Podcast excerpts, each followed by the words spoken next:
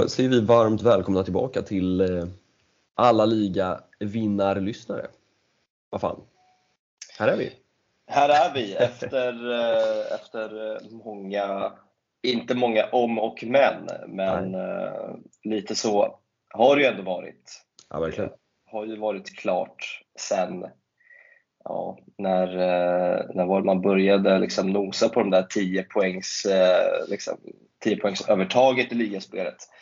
Eh, men tidigare i vår i alla fall. Och, eh, nej, det känns väl skönt att, eh, att kunna konstatera att det är klart. Man har sett den där bussparaden genom centrala Barcelona. Mm. Man har sett Laporta fira i omklädningsrummet ja. som om han inte gjorde annat om dagarna Nej, vi, vi, ska väl, eh, vi ska väl klippa in den sekvensen direkt här. Eh.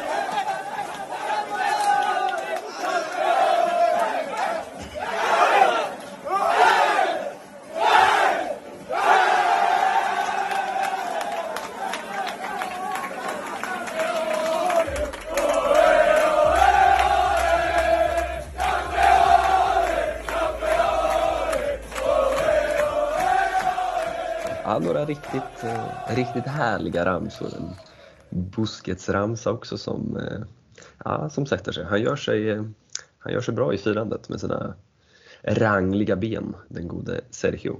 Ja, men det är klart att en, en ligatitel ska, ska säkras på El Prat. Eh, manus skriver sig självt, som så ofta. Känns ja, ja, verkligen.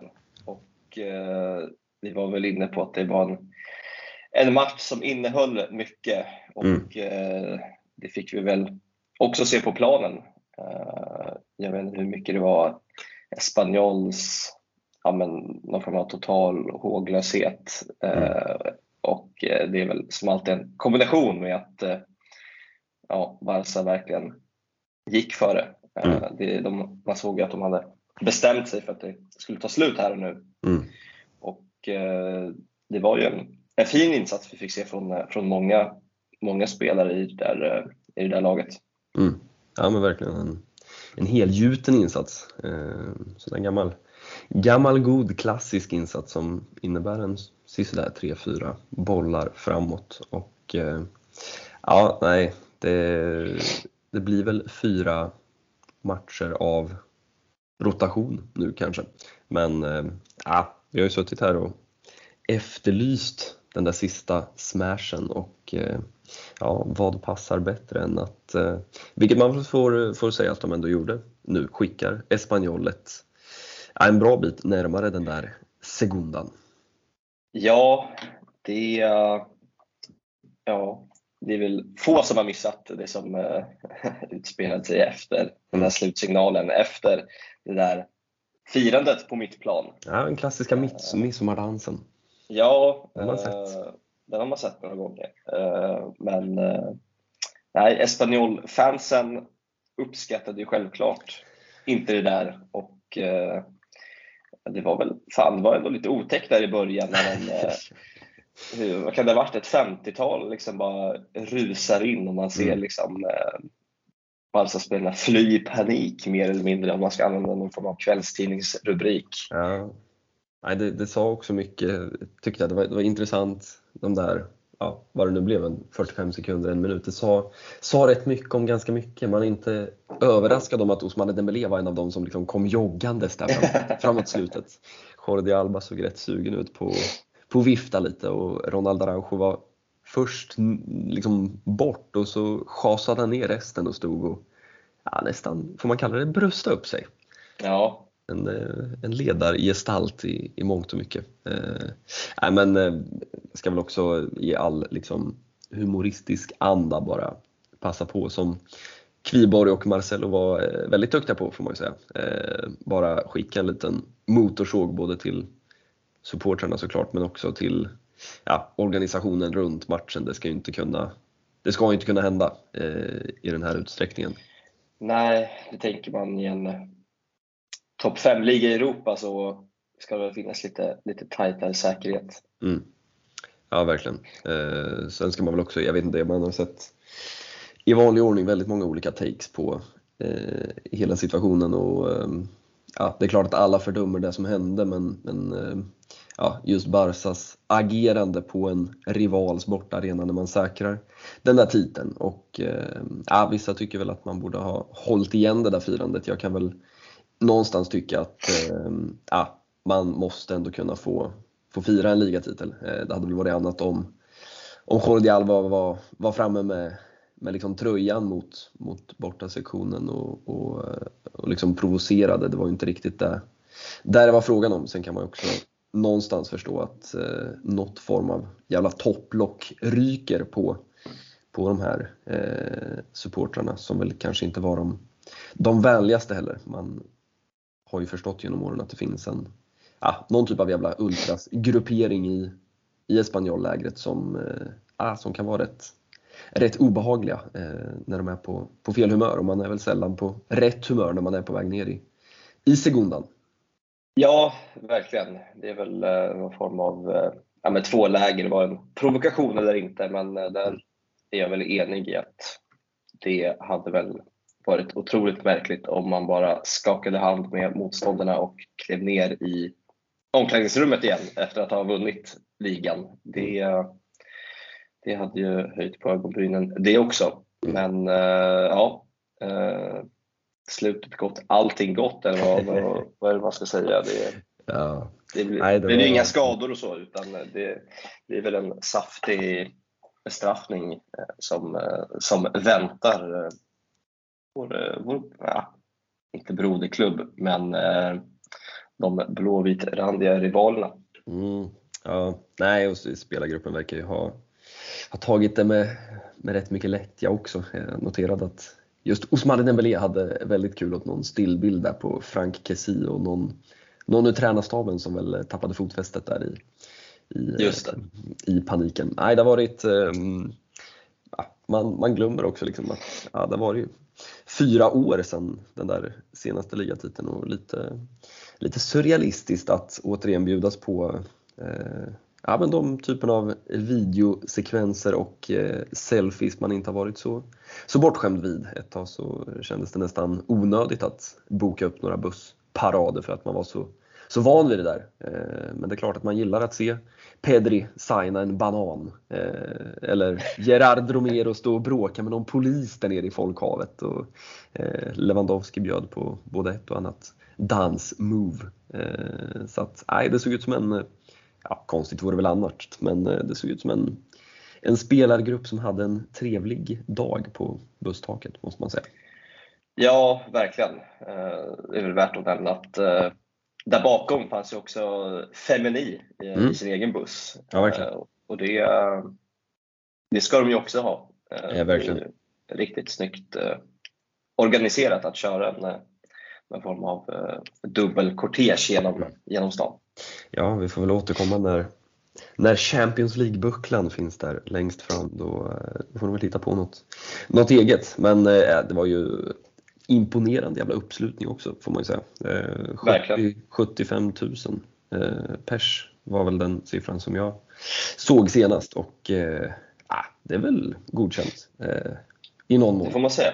Eh, kändes som att eh, alla var tillfreds med det mesta, förutom Gerard Piqué som inte dök upp. Eh, ska väl också notera att han eh, ska ha fått någon typ av, oklart hur formell, men både genom Xavi och genom Sergio Busquets. Men eh, ingen Piqué på busstak, men eh, Gerard Piqués namn på de där klassiska eh, tröjorna som de alltid ska trycka upp och det blir alltid diskussion om vilka spelare som ska vara med eller inte.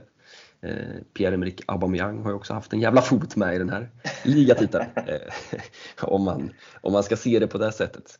Eh, ja, nej men en, ja, kanske en av säsongens mer minnesvärda matcher, måste man väl ändå säga. Eh, kommer aldrig sluta prata om El Sadar borta, men eh, jag vet inte om den här vi ska väl spara de riktiga reflektionerna till någon slags säsongssummering men ja, nog fan är det här en topp femma.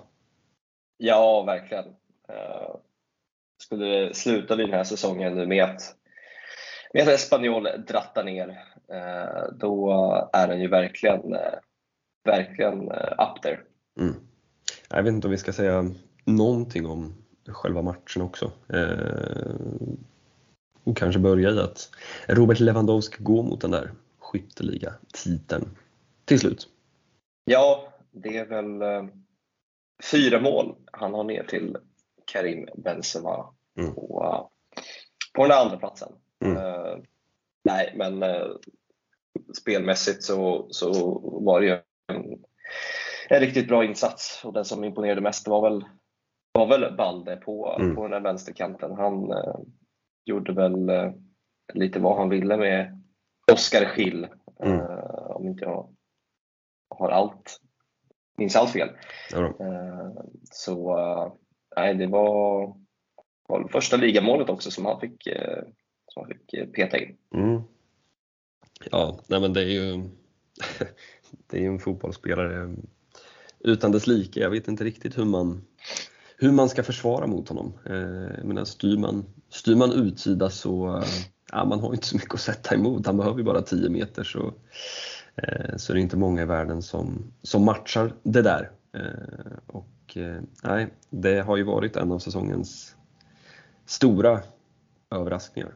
Eh, någonstans. Det var, nog, eh, det var nog inte många som satt i, i somras och tänkte att eh, ja, i vår så är en av världens hetaste vänsterbackar Alejandro Balde, men eh, här är vi.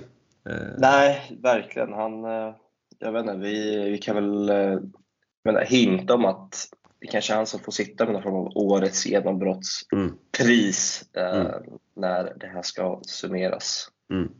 Ja men verkligen, och det finns väl också någonting i, i honom som en symbolspelare också. Eh, om man ska, återigen, vi ska väl spara de stora tankarna till senare, men, men om man någonstans också ska, ska peka på vad det är Xavi har gjort på de här, ja vad det nu blir, ett och ett halvt åren som gör att man går från att ha ja, 14-20 poäng var det nästan upp till en ligatitel till att ja, kunna säkra den där titeln med fyra omgångar kvar. Eh, och det är klart att en väldigt stor del i det där är ju att han har lyckats med den där generationsväxlingen, eh, bortsett från Sergio Busquets egentligen. Eh, och det är klart att ingenting blir väl tydligare än att han faktiskt vågade sätta Jordi Alba på bänken. Eh, precis som han också gjorde med Gerard Piqué i någon mån, även om kanske Piqué snarare handlade om att han själv klev av i någon mån. Eh, men eh, ska man titta på en av, en av nycklarna till att Xavi har lyckats så eh, ja, då är Balde Alba situationen en, en bra indikator på det, eh, tycker jag. Och eh, ja, nej, han, han gör ju han gör ingen besviken, eh, den gode Balde. Det är ett ja, den vänsterbackarnas Rolls Royce eh, som det väl hade låtit om man var någon engelsk eh, tidningskrönikör. Eller något. Ja, verkligen. Eh, nu ska vi väl inte avhandla någon form av silly, silly nyheter riktigt än, men eh, kan flika in att det ryktas om eh, att det ska vara klart med, med en förlängning av det där kontraktet på, mm. för Valde till mm eh, 2027. Mm. Ja, nej, det är väl en av de saker man ska göra i sommar innan man ska gå för den där lilla Leo Messi. Eh, vi får väl se hur, hur det blir med den saken. Eh, men det var intressant också att se eh, Eh, i någon mån eh, den här gala elvan spela fotboll eh, igen. Man har ju ändå chansen att få lite kontinuitet nu i, i grejerna. Eh, oklart hur Xavi kommer att agera de sista fyra omgångarna. Eh, oklart huruvida det luktar Pablo Torre eller inte. Eh, men det är klart att eh, lite får man känslan nu när liksom saker och ting sitter igen att ja, men hade, man, hade man kunnat spela med det här gänget hela våren eh, ja, då, då hade nog den där ligatiteln varit säkrad för ett par matcher sen till. Ja, det, det får man ju får man verkligen tillstå. Eh, det har varit den, den stora liksom eh, nu, ja, den stora ja, det stora hacket eh, mm. någonstans eh, under, under den här säsongen. De här tre månaderna, det var två och en halv mellan någonstans slutet på januari och, och eh, mars, april här. Mm. som Ja, men som kunde ha färgat säsongen annorlunda mm. på, på många sätt och vis. nu, nu står man här med, med en ligatitel och det är väl i ärlighetens namn inte jättemånga som kommer komma ihåg eh, något eh, uttåg ur eh, Copa del Rey semifinalen mot, mot Real Madrid. Mm. Eh, det känns långt borta eh, dagar som de här. Ja, men det är väl också på sin plats någonstans tänker jag försöka lite sätta ja, men sätta den här jävla titeln i, i liksom paritet till någonting. Eh, för att det har ju varit, med all respekt för att kunna utmana i, i Champions League igen så, så är det klart att, jag menar både för, för Xavi och för, såklart för spelartruppen i, i allra högsta grad men också för, för Johan Laporta så, så är det klart att det här är, ah, det är en prestigetriumf utan, utan dess like. Eh, och man har ju, ja men återigen, man har inte varit bortskämd med bussparader, man har inte varit bortskämd med ligatitlar. Eh, och det är klart att ja, det är någonstans är det väl lite större, tror jag, än vad man, vad man liksom eh, har landat i och med att det har varit klart, klart så pass länge och, och samtidigt så har liksom både Real och Atleti hackat i princip ja, men hela säsongen får man ju säga. Eh, så att det, min, jag vet inte hur du ser på det, men min upplevelse är väl kanske att, ja, att titeln har hamnat lite i skymundan jämfört med vad det faktiskt handlar om.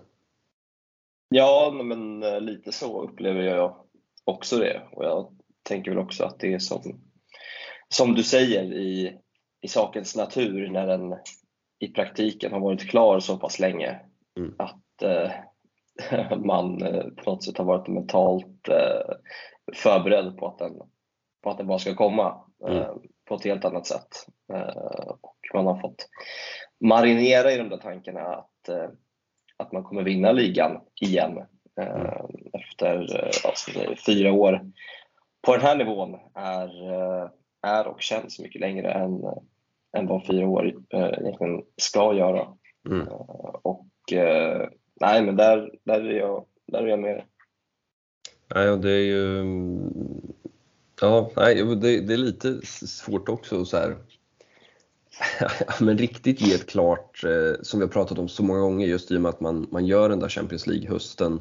Eh, vi ska väl också bara nämna att Inter ska spela Champions League-final nu eh, och att man då behövde slå FC Porto, Benfica och Milan för att ta sig till den där Champions League-finalen. Och ehm, ja, det är bara att konstatera att den där lotten hade ju Barcelona kunnat få. Eh, ja. Och eh, man ska väl inte säga allt för mycket med, med, med tanke på vad man presterade där i Europa i höstas. Men, men det är klart att ett, ett Barcelona som det är ju mycket, eller i mångt och mycket var efter jul så, så känns det väl som att ah, man hade haft ganska goda chanser att eh, kliva in där på eh, Champions League-finalen i juni. Eh, om det inte hade varit för den där kvällen i Milano. Eh, på tal om, Gerard, på tal om Gerard Piqué för övrigt. Eh, ja, men det, det, det är lite, lite speciellt.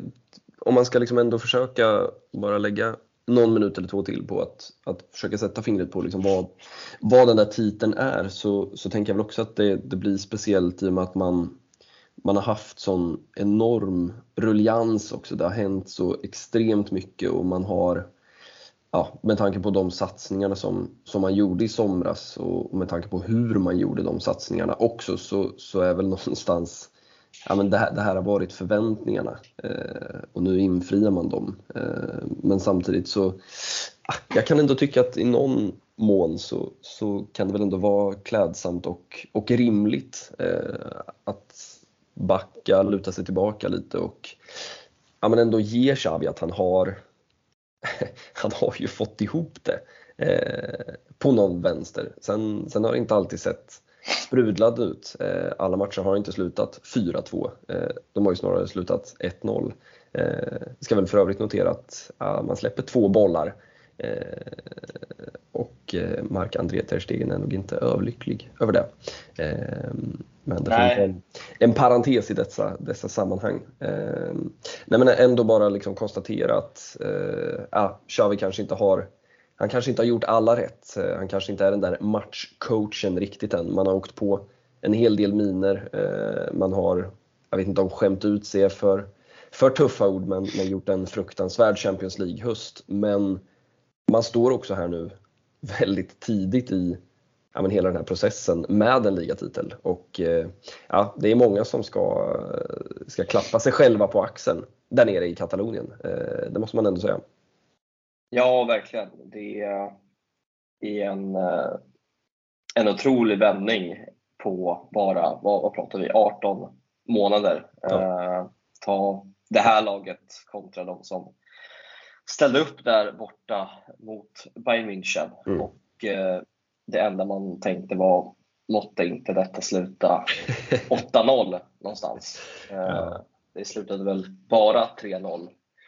Och det var en sån här match där det bara var ett lag på planen. Mm. Eh, och man tänkte, hur, hur ska det här gå framåt? Mm. Eh, så med, med de två sinnebilderna i huvudet så så, så ska det, ja det går inte att understryka nog hur, eh, hur stort det är. Nej men verkligen. Eh, och, och någonstans så, så eh, jag noterade en diskussion häromdagen om ja, men som väl i någon mån bottnade, om, eller bottnade i vilken, vilken spelare som, som ska ha den där titeln som MVP. Eh, och det är inte helt lätt och, och diskussionen utmynnade då i någon slags lista över liksom hur många spelare det ändå är som har spelat en väldigt vital roll i, alltså det, det är klart att så är det alltid i alla titelvinnande lag, men jag tycker ändå att det är någonstans här, ja, men i ögonfallande att man, man kan peka på ganska många spelare och ändå känna att eh, ah, det hade nog blivit tufft att ta en titel utan, utan både Rafinha, utan, eh, utan Christensen, utan Balde, utan ja, vad fan, Frankesi i någon jävla mån. Eh, det, är, eh, ja, det är väl några spelare som, som kanske ryker. Eh, stackars Pablo Torre blir väl alltid det där exemplet. ja. Men ja, det har ändå varit en, ja, en, en laginsats hela, hela vägen. Ja, det känns som att nästan alla spelare har haft en, en period under säsongen när de verkligen har varit bärande. Mm. Eller där man har sett hur bärande de är när de mm. saknas på, på planen. Mm. Eh, så det är, nej, det, är, det är många som, eh, som ska åka hem med någon form av guldstjärna eh, där i kanten. ja, nej, um, eh, eller det, det föll liksom på plats också när man, när man såg den där bussparaden och alla dessa eh, selfies i olika konstellationer. Det är alltid, ja, vi gillar ju det där, vi gillar ju när när de åker på semester på, eh, eller när de åker till, eh, ja, vad säger man, weekendresor när Xavi ger några dagar off. Man gillar att se de där bussparaderna för att man, man tycker sig snappa upp ett och annat. Eh, en reflektion var ju att en viss Pedri eh, drog igång Ansu Fati ramsor eh, och eh, det kan han ju behöva. Det är vi väl medvetna om, den goda Ansu. Och, utan att återigen prata för mycket silly så, så är väl det senaste som gäller nu att, att eh, Laporta ska ha han ska informera Tanso om att eh, ja, men tanken, tanken är att du ska stanna. Mm. Eh, och hur mycket man ska ta Johan Laportas ord om ett sommarfönster för givet den 15 maj. Ja, det, det får man väl någonstans ta en funderare på. Men ja, nej, det var en ett par, en fin stund vet jag inte om man ska säga, men, men det var väl en, en ramsa som behövdes. En liten injektion i den där självförtroende-skålen.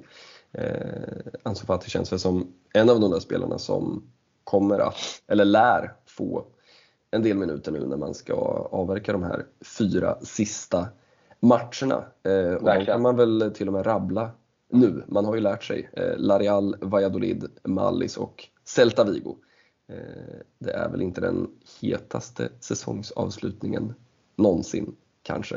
Eh, Nej, det är väl eh, nu i helgen på lördag med när Real Sociedad kommer på besök. Mm. Det känns som att det kan bli ändå någon match där man vill visa sig från sin bästa sida, kan jag tänka mm. mig.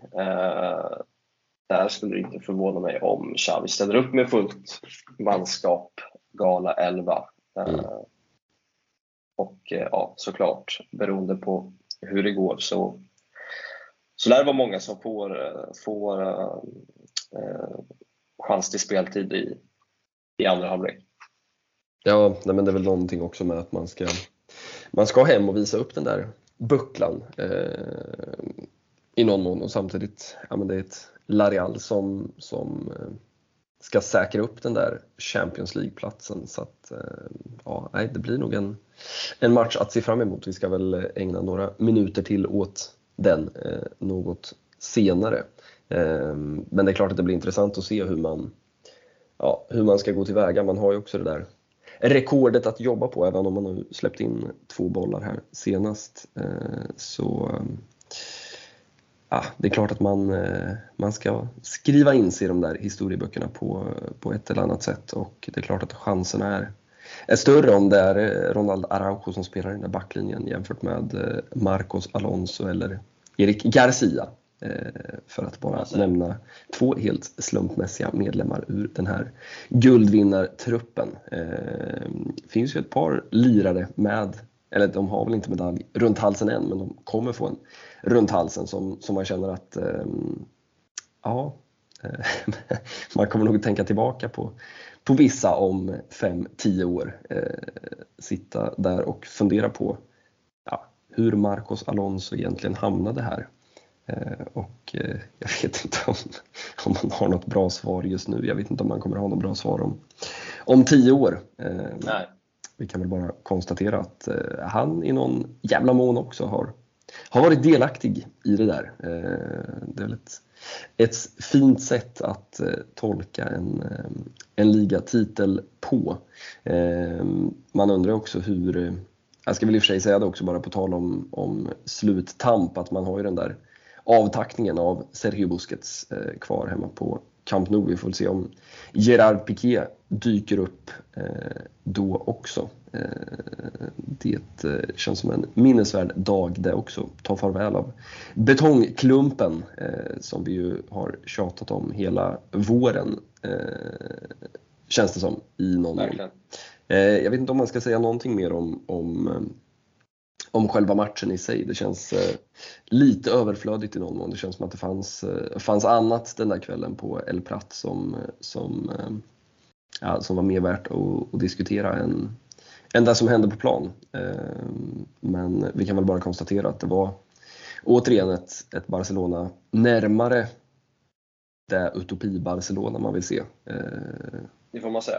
Snarare än ett, eh, ett Koman-Barcelona eh, hösten 2021 eh, tåls ändå också att nämnas. Jag såg att han var ute här igen och, och eh, svingade en del i media. Det känns som att de holländska journalisterna vid medie eller nyhetstorka sitter på morgonmötet och kommer fram till att vi slår Ronald den pling. Han har säkert något kul att säga eh, här igen och eh, ja, han levererar alltid citat. Nu pratade han väl om, om Messi eh, en del. Eh, klarade sig väl för en gångs skull från att skicka någon känga till Laporta. Det är väl så det, så det brukar låta eh, när han är ute och, och, eh, och svingar, den gode Ronald.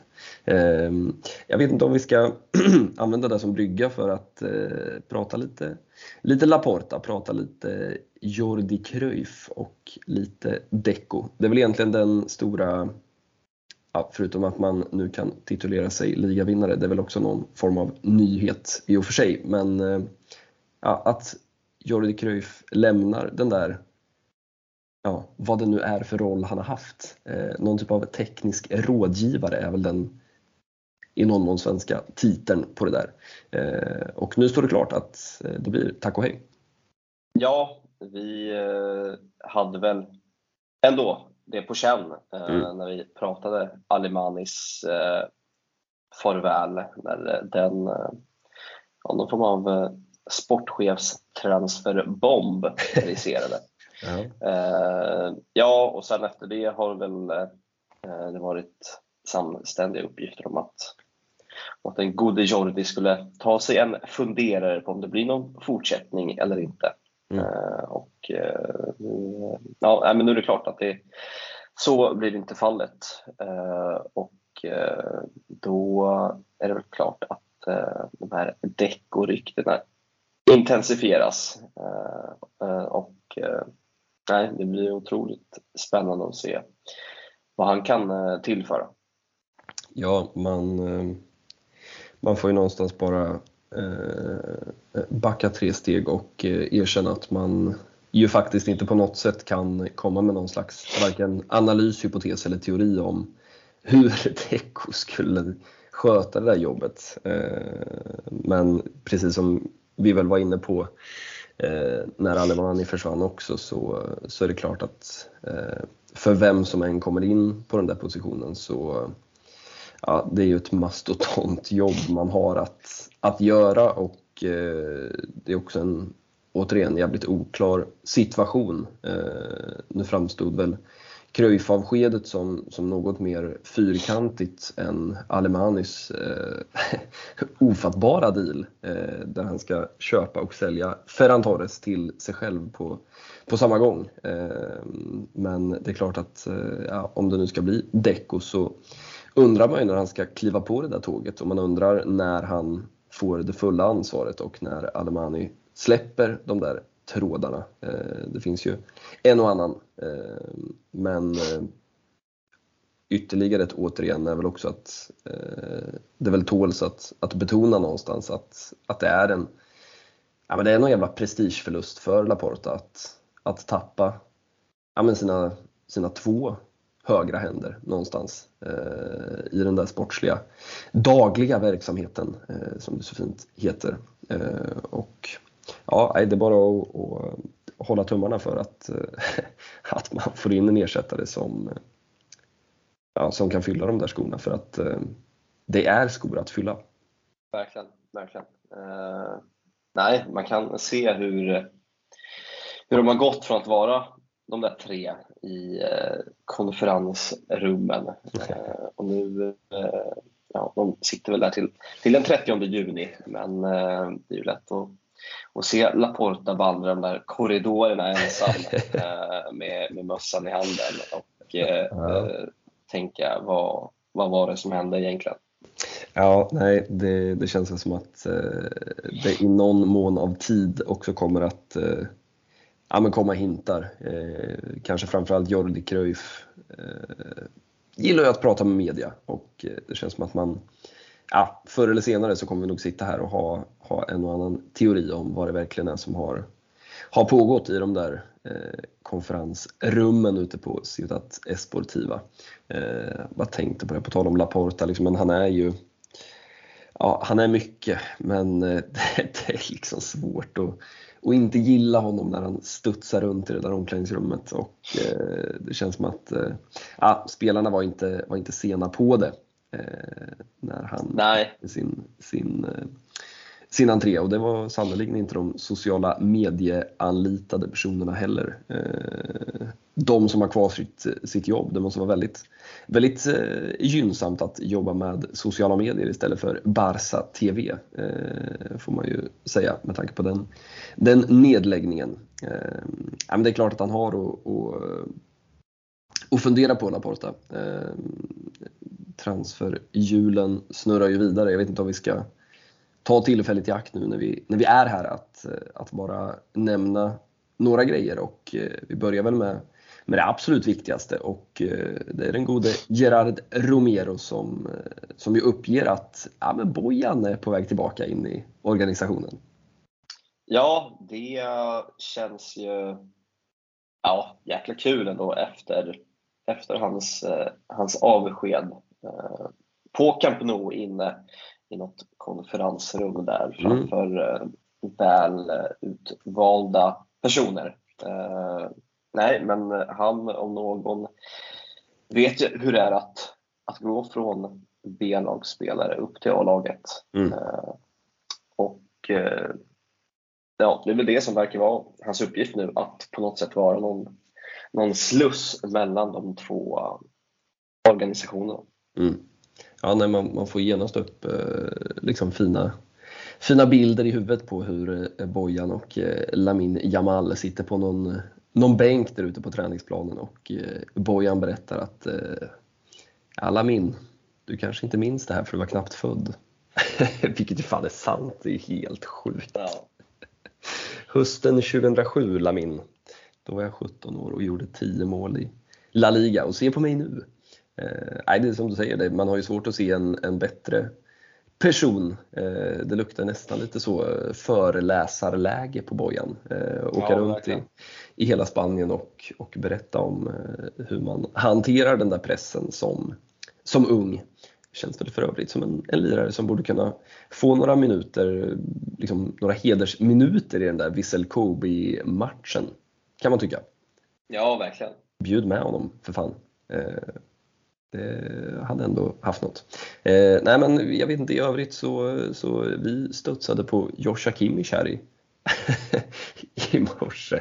Jag vet inte om, om, jag vet inte vad man ska säga om, om det ryktet riktigt. Nej, det är väl eh, storleken på, på skopan med salt som man, man undrar hur mycket, man, hur mycket bör man ta i här.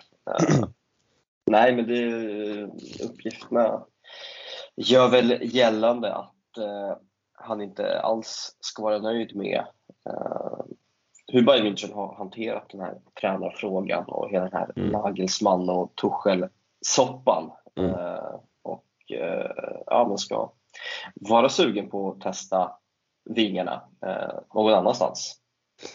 Ja, nej, men, vi, vi satt och bara pratade kort här innan men, men ja, när man har marinerats lite i det där så, så det är klart, som, som du sa också att ja, men, Bayern München är en klubb där spelarna ska vara lyckliga. Och är de inte det så får de gå vidare. Och så tänker man liksom, ja, det är klart, eh, det är svårt att inte göra kopplingen till Toni Kroos ju. Eh, som som eh, ja, man än idag kan fundera på med största respekt för vad Ivan Rakitic uppnådde de första åren i blått och rött så kan man fundera på vad som hade hänt om, om det hade blivit Toni Kroos i, i blått och rött den där sommaren 2014 istället för att han hamnade i, i Madrid. Ehm, men, men samtidigt så funderar man på hur, ja, hur man ska lösa det. Det är klart att Joshua Kimmich hade varit en drömspelare på alla möjliga vis. Det finns väl egentligen ingen, ingen i världen som, som ja, det är väl Rodri för sig då kanske, men, men eh, som skulle vara bättre lämpad än för att ersätta Sergio Busquets. Eh, men samtidigt så funderar man på hur man ska, ja, även om, om transfersumman då skulle vara i relativa termer låg eh, så, så ja, man funderar lite på vart de, de där pengarna ska, ska komma ifrån. Det känns väl som att det mycket väl kan vara så att, att Kimmich Eh, vänder och vrider på sig lite där borta i München och eh, det kan nog mycket väl vara så att att det har funnits någon typ av kontakt med någon form av eh, agent eller mellanhand. Men ehm, ja, för er som har följt dessa silly-snurror genom åren så eh, ja, man har lärt sig att det, det brukar krävas lite, lite mer än så. Eh, känns väl som att man får fokusera på att eh, försöka lirka upp Martin Subimendi istället. Ja, han verkar ju vara Xavis eh, högsta prioritering. Mm. Eh, sen eh, är det väl den där prislappen. De, eh, Larian sägs ju inte vilja ha eh, någonting mindre än 65 miljoner euro. Och mm. eh, ja, man behöver inte vara ett geni för att, eh, för att förstå att det skapar problem.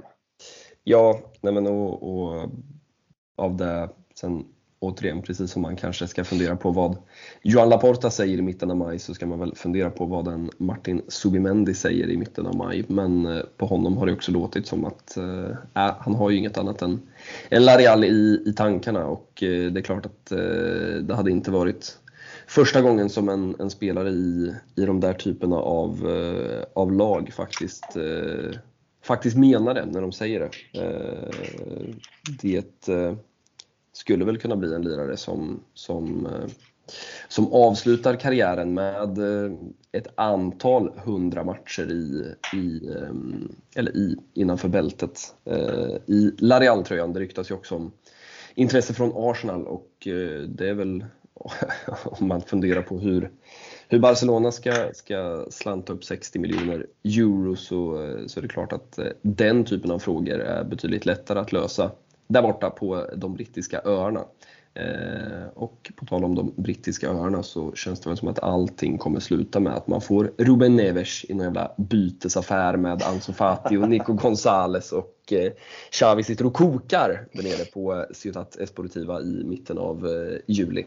Nej, det känns som att eh, man har en del att, eh, om det finns en del att jobba på på sportchefspositionen så ja, det finns eh, ett och annat frågetecken för den där defensiva mittfältspositionen. Eh, ska väl bara nämna att jag noterade i efterhand att vi faktiskt glömde förra veckan att nämna Guido Rodriguez som ju också ska vara en, en spelare på någon form av jävla bruttolista. Eh, den argentinske Real Betis-gnuggaren som enligt uppgifter ska ha pausat kontraktsförhandlingarna eh, där borta i Sevilla för att eh, ja, men finnas tillgänglig i den mån Barcelona knackar på dörren i sommar. Precis. Eh, och, Någon form av budgetalternativ får man väl säga. Ja, men det luktar väl lite liksom Amrabat-läge på något vis. Eh, med den klassiska argumentationen att det är en spelare som kan ligan. Eh, jag kan redan höra det framför mig. Nej, men man, om vi förut pratade om om någonstans vad, vad Xavi har gjort bra i vissa, vissa, eller ur vissa perspektiv så eh, tror jag att eh, man kommer, eller den dagen man sitter och, och tittar tillbaka på, på hans tränargärning i Barcelona så känns väl just den här situationen att, att ersätta Sergio Busquets som ja, en av de absolut största prövningarna. Vi pratade om det här redan förra veckan, men, men för vilken, vilken typ av tränare som helst. Och det är klart att det där hoppas man ju också avspeglar sig uppe i styrelserummen, att man faktiskt förstår eh, vidden och vikten av eh, vilka beslut som, som ska tas eh, i den där frågan. Eh, och ja, Man får väl trolla med knäna i, i vanlig ordning och samtidigt så vet man om man känner sin Johan Laporta att eh, ah, han är ganska sugen på att stå där med Leo Messi eh, när det börjar vankas augusti. Och eh, ja, i vanlig ordning så, så har man lite svårt att se hur allt det där ska hänga ihop. Och samtidigt så springer liksom Ilkay Gündogan och spelar sitt, eh, sin livs fotboll i Manchester City. Och eh, höjer väl sina positioner i, eh, vid förhandlingsbordet eh, för varje vecka som går känns det som. Eh, och samtidigt så, du pratade Alejandro Balde, man kan fylla på den där listan med Ronald Araujo och Gavi. Eh, och så förstår man att eh, ah, det är mycket som, som ska in och eh, det finns inte så mycket att jobba på. Eh, och om Johan Laporta dessutom springer runt i titelfirarläge och lovar en massa spelare att, att stanna, eh, ja, då, då blir det en ekonomisk kalkyl som blir svår att få ihop. Ja, eh, det känns inte riktigt som att eh, någon form av balansräkning hade, hade godkänts av, någon stackars eh, liksom, ekonom i Barcelona som tvingas ha koll på det där och verkligen bara river av sig håret i, i ren frustration. Ja, nej, man, man Ja, man funderar på ibland eh, hur det fungerar det där. Eh, det känns inte som, som ett drömjobb eh, för speciellt många. Eh, det, eh, ja, det vad man inom vissa kulturer skulle kalla för kreativ bokföring eh, känns ju inte allt för långt borta alla gånger.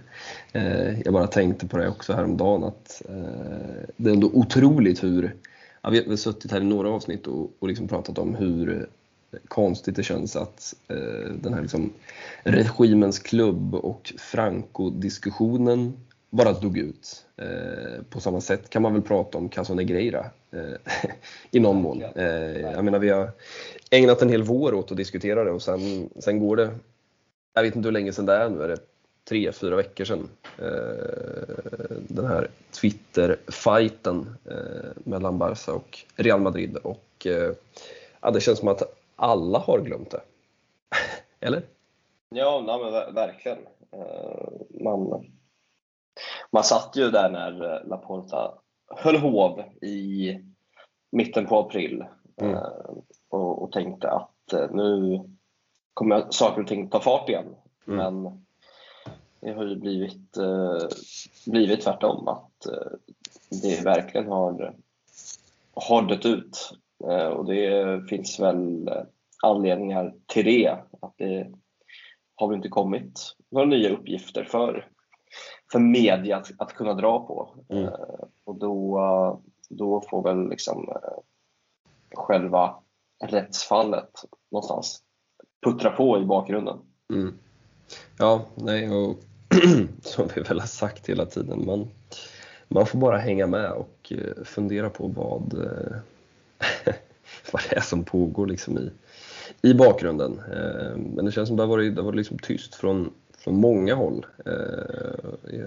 Liksom, när det är radiotystnad från Javier Tebas då, då funderar man på vad han sitter och kokar ihop där uppe på, på kontoret i, i Madrid, vilket jag för, bara förutsätter att det, eh, det är där det, det finns. Eh, men jag tycker ändå liksom lite, eller lite ganska mycket anmärkningsvärt ändå att eh, ja, det, det, blåser ibland och sen, eh, sen blir det väderskifte och eh, då är plötsligt allt guld och gröna skogar. Och eh, på tal om vad en, en ligatitel betyder så, så är det klart att som den politiker och PR-person Johan Laporta är så förstår ju han också att för Barca som, ja, som någon form av symbol och Eh, marknadsgigant så, så är det klart att eh, kunna fokusera på, på en ligatitel och en bussparad istället för eh, mutor. Eh, det är ett ganska bra byte upp för honom och för hela, hela jävla institutionen eh, Eh, i någon mån. Och eh, ja, kan ändå se att han sitter och, och gnuggar sina händer eh, i någon typ av eh, komplex eh, strax utanför eh, Barcelona. Eh, jag vet inte om, om vi har någonting mer på, på transferfronten egentligen. Det känns väl också bara att, att eh, eller det känns rimligt att nämna att ja, man, klockan tickar eh, ner mot den där 30 juni ja, som, ja, som de har pratat om. Uh, nej, men man kan väl lägga till att man, eh, ja, att det kom uppgifter om att man verkligen ska gå för, för Vitor Roque. Eh, ja. Att det är på något sätt en transfer som, som inte kan vänta, som man vill ska, ska bli av redan nu i, redan nu i sommar. Mm. Och, ja, jag inte om det, det krävas någon kreativ bokföring, men det är väl någonstans 45 miljoner euro som den här prislappen eh, ligger på.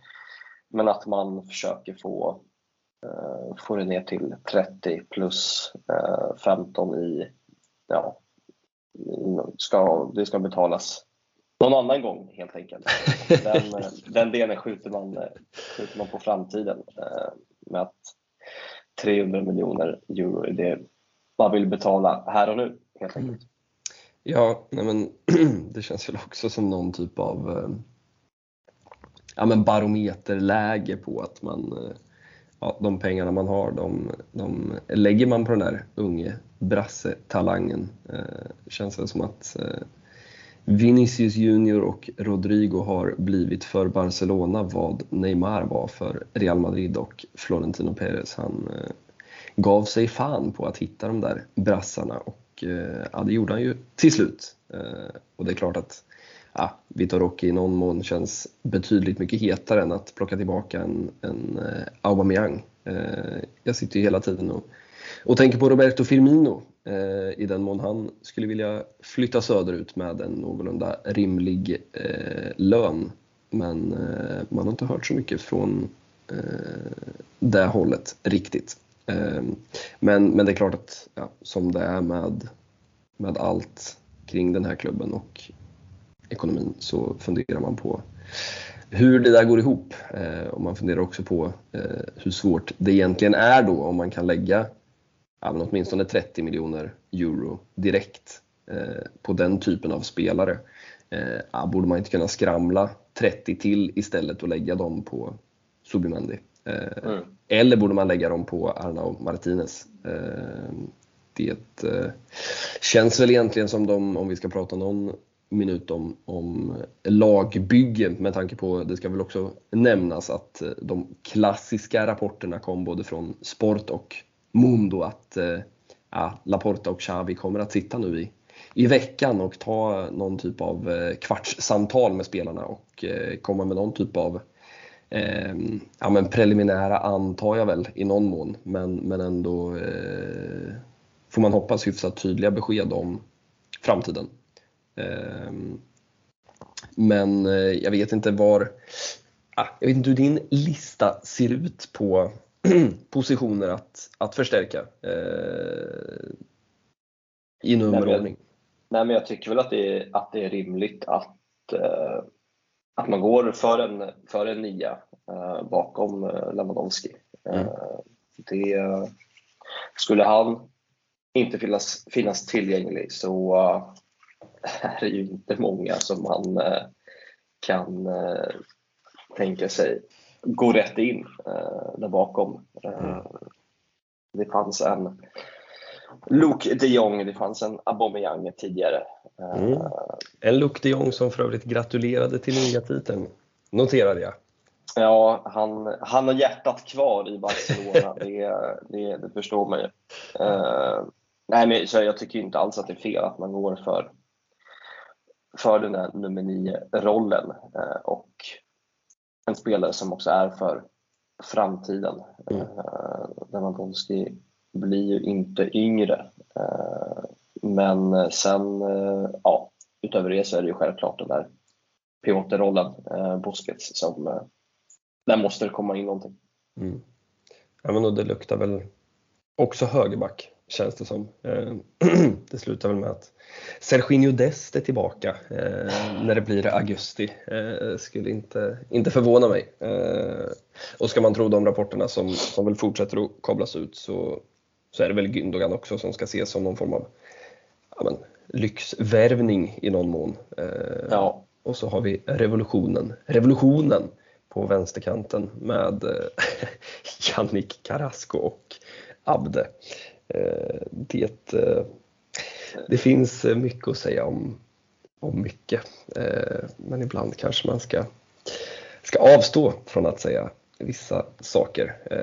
Det känns också som att de här veckorna som kommer så lär det hända en del mellan avsnitt. Det känns som att man kommer kastas både fram och tillbaka. Det brukar ju brukar vara så eh, att följa sillin ur ett blårött perspektiv. Eh, vi ska väl bara notera också att Barça B åkte på en tung jävla smäll mot Intercity. Eh, och det kunde man ju förstå, Barca-dräpare som de är. Eh, nu var det ju, ja, jag vet inte, ibland känns det som att manus skriver sig självt, men det är ju klart att Oriol Soldevia öppnar målskyttet efter eh, dryga 10 minuter och eh, då känner man att eh, livet är en fars och eh, att vi alla är, är en del av det. Eh, och eh, ja, den där torsken innebär väl att eh, ja, nästan matematiskt tror jag man kan räkna bort eh, direkt platsen där uppe i toppen. Eh, så de har fortfarande samlat så pass mycket poäng så att eh, ja, med två, två goda resultat här sista, sista två omgångarna så, så kommer det bli kval. Eh, detta spindelnät av fotbollsmatcher som spelas i de lägre divisionerna i Spanien i början av juni. Ehm, men för den som vill höra en arg tränare, eh, jag tror inte att vi ska klippa in riktigt hela eh, här, så eh, kan jag rekommendera att man ser på vad Rafa Marquez hade att säga efter den där matchen. Det var Ja, det var en slakt av spelartruppen på ett sätt som man inte är så van att höra. Jag vet inte, skicka den på volley, men, men jag, jag har svårt att se, liksom, eller svårt att dra mig till minnes av att Xavi har gått på spelartruppen någon gång egentligen. Under de här ett och ett halvt åren. Uh, Nej, inte på, inte på det sättet. Eh, det, det kan jag inte dra mig till minnes. Eh, känns ju också som att Marcus sitter på en rejäl hårt. ja. Eh, nej, han, han var ju inte alls nöjd. Bytte väl ut eh, Estanis mm. också. ja, precis i halvtid. Hänvisade till, precis i halvtid och hänvisade till att han inte var alls nöjd med hans, hans inställning. och då vet man ju att ja, det känns, känns eh, spontant som att man, eh, att man kan förstå honom. Ja, nej, men och det, det framstår väl också som lite, ja, men lite överraskande i någon mån med tanke på den ja, starka säsong som man har gjort. Vi har suttit här varje vecka och inte öst beröm, men, men vi har eh, klickat ut små doser av beröm eh, allt eftersom våren har, har löpt på och det har framstått som som otrolig harmoni i det där unga gänget. Eh, och så kommer Intercity på besök och sen är allting kolsvart eh, helt plötsligt. Eh, ja, men vi får väl se hur man, hur man ska eh, ja, vända på skutan men, men hur man ska ladda om. Eh, det är två, två nyckelmatcher kvar och eh, ja, håller man ihop det så, så kommer det att bli kval. Och, alla vet väl, eh, även om det väl är någonting som man inte pratar om utåt i media för att eh, ja, det är väl inte intressant nog. Det drar inte in tillräckligt många unika sidvisningar till Mundos webbplats. Men alla vet ju vad det skulle betyda att ha ett Barcelona B i Segundan istället för eh, ja, Terceran får man väl inte säga längre. Jag vet i ärlighetens namn inte vad den där jävla serien heter längre efter alla byten. Eh, men vi, eh, ja, vi hänger med. Eh, två omgångar kvar och eh, det känns väl som att det typ är det mest spännande som återstår eh, förutom den där stora, stora matchen som är Champions League-finalen såklart. Eh, I övrigt så, så är det inte så mycket som man kan säga för att eh, sälja in de här sista veckorna av eh, säsongen. Jag vet inte hur du skulle hisspitcha? Nej, men på något sätt så kan det väl vara skönt att bara släppa, släppa pressen, släppa stressen. Mm. Oh, verkligen. Rulla ner axlarna och Eh, på något sätt eh, njuta av, eh, av det som återstår.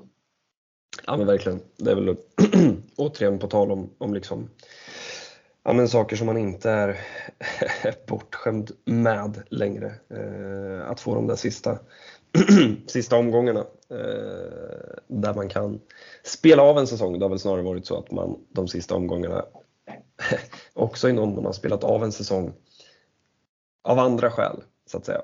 Ja.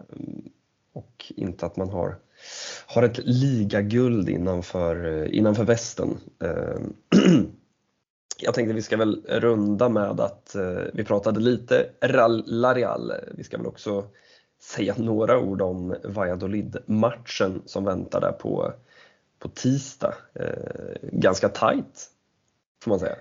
Ja, vi pratade om alla de här midweek-matcherna mm. och varför de Eh, ja, men ploppar upp som, som svampar överallt och man förstår inte riktigt varför. Men, Nej, det är en gåta. Eh, det, det, det, är en gåta, men eh, så är det. Real Valladolid som, ja, det kan vi väl också bolla upp här för den som har missat det. Men åkte på, jag har, nej, jag har typ aldrig sett något liknande, men de gör ju mål här i sin senaste ligamatch mm. eh, hemma mot Sevilla. Precis innan halvtid så är det en spelare som drar iväg ett skott och efter att skottet har lämnat foten så blåser domaren av för halvtid. Mm. Och bollen då? Jo, den går ju såklart i mål. Ja. Eh, så de eh, Ja, jag menar, de lever väl i någon konstant motvind, får man ju lätt säga. Jag tror att den domaren fick poliseskort från arenan och det, det, det ska han väl ha. Det, känns, det, känns liksom så, det känns som att Real Valladolid är, det är liksom den klubben som utsätts för den typen av, av saker. Det känns som att hela, ja. hela vår existens går ut på att Real Valladolid ska liksom råka ut för skit. Eh, och det där kan ju också bli, eh, i slutändan så kan det bli avgörande för att de är ju verkligen, verkligen indragna i den där bottenstriden. Eh, ja, verkligen. De har verkligen huvudet precis ovanför vattenytan. En poäng eh, före Getafe. Eh, ja, ett, ett Getafe som, som det väl ändå känns har, har ett par liksom bufferpoäng i sig. Eh, känns som att de, ja, de har en sista kraftansträngning kvar. Eh, ja, och vilka är det som möts i den sista omgången i La Liga? Eh, det, det kommer att bli eh, det är ju Valladolid och Getafe det, det, det är väl årets match. Ja, I så det kan ju verkligen bli avgörande.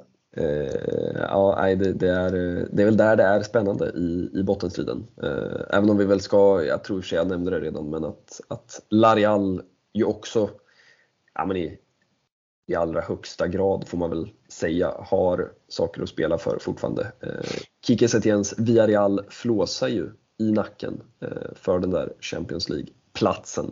Eh, så att, ja, det är ju två lag i någon mån som, som eh, eller i någon mån, i många, ur många perspektiv som kommer att eh, vara motiverade motståndare. Verkligen.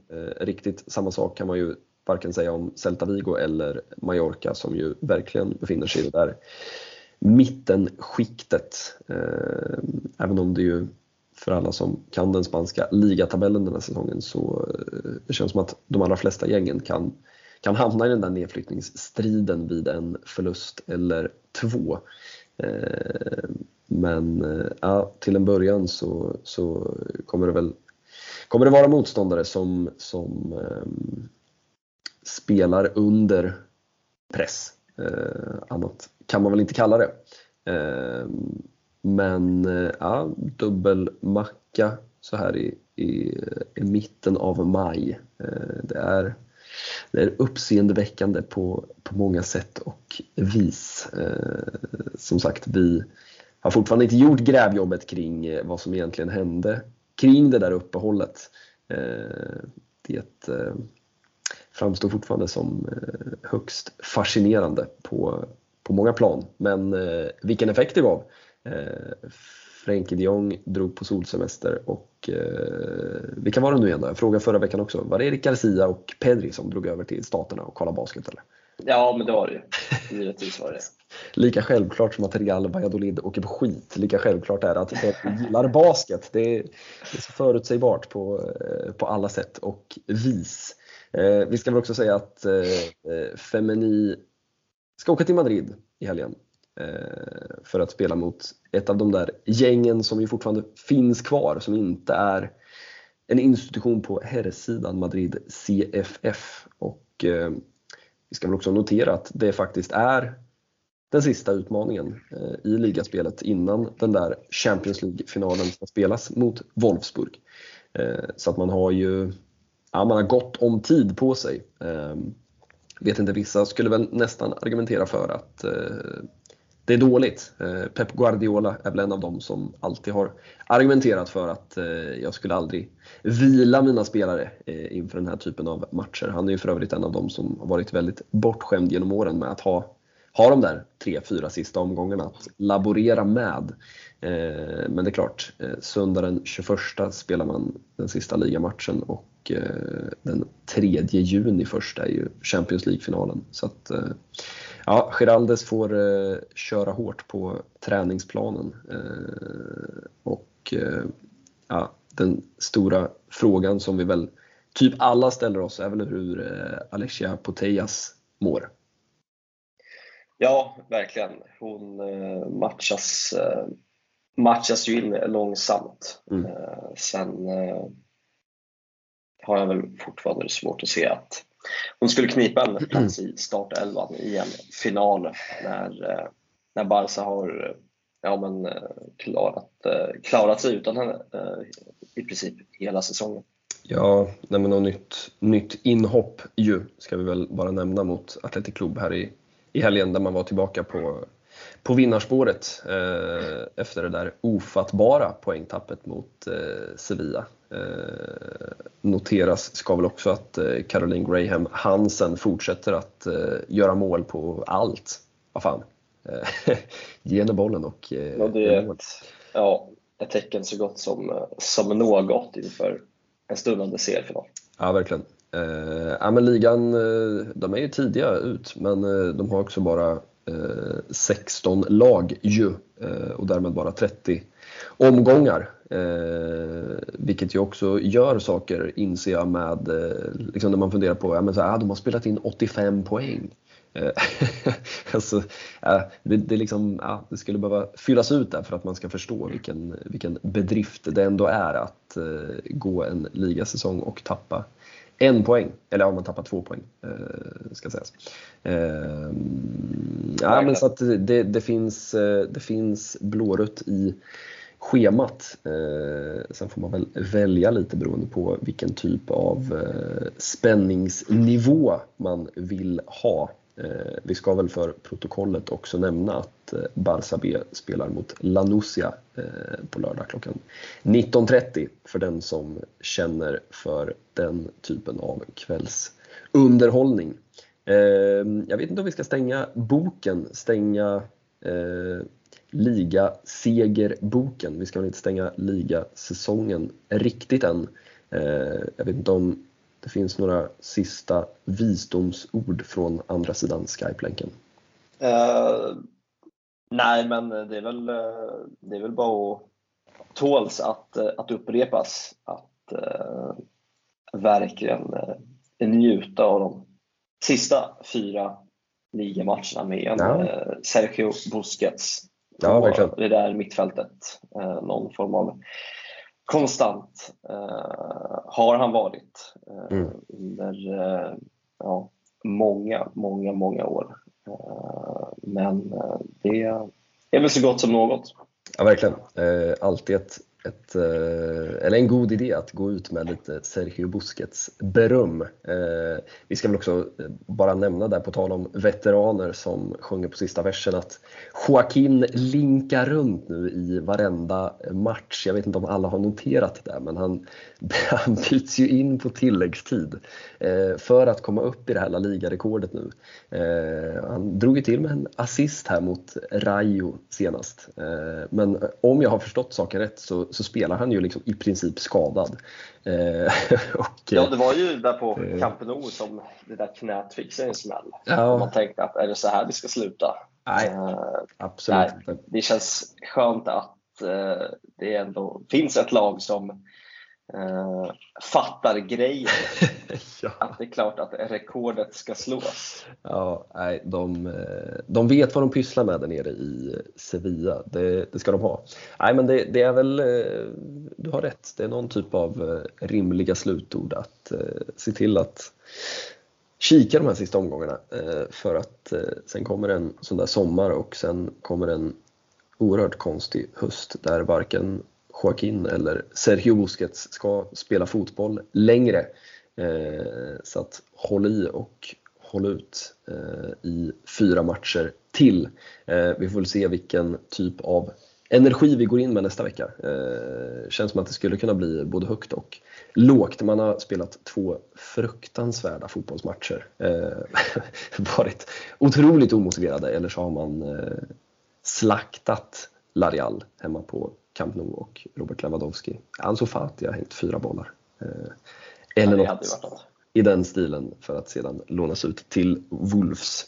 Ja, nej, livet är en fars eh, och vi är väl en del av den. Eh, från Laporta till Erik Garcia. För att bara återigen slumpvis välja två namn. Äh, vi tackar för idag och vi säger väl på återseende om ja, men drygt en vecka. Det gör vi. Ciao! Hej! Total Camp és un camp. Som la gent blaugrana, tant se val d'on venim, si del sud o del nord. Ara estem d'acord d'acord, estem d'acord. Una bandera ens agermana, blau, gran al vent. Un crit valent. Ara, tenim. Barça! Barça! Barça! Barça! Barça!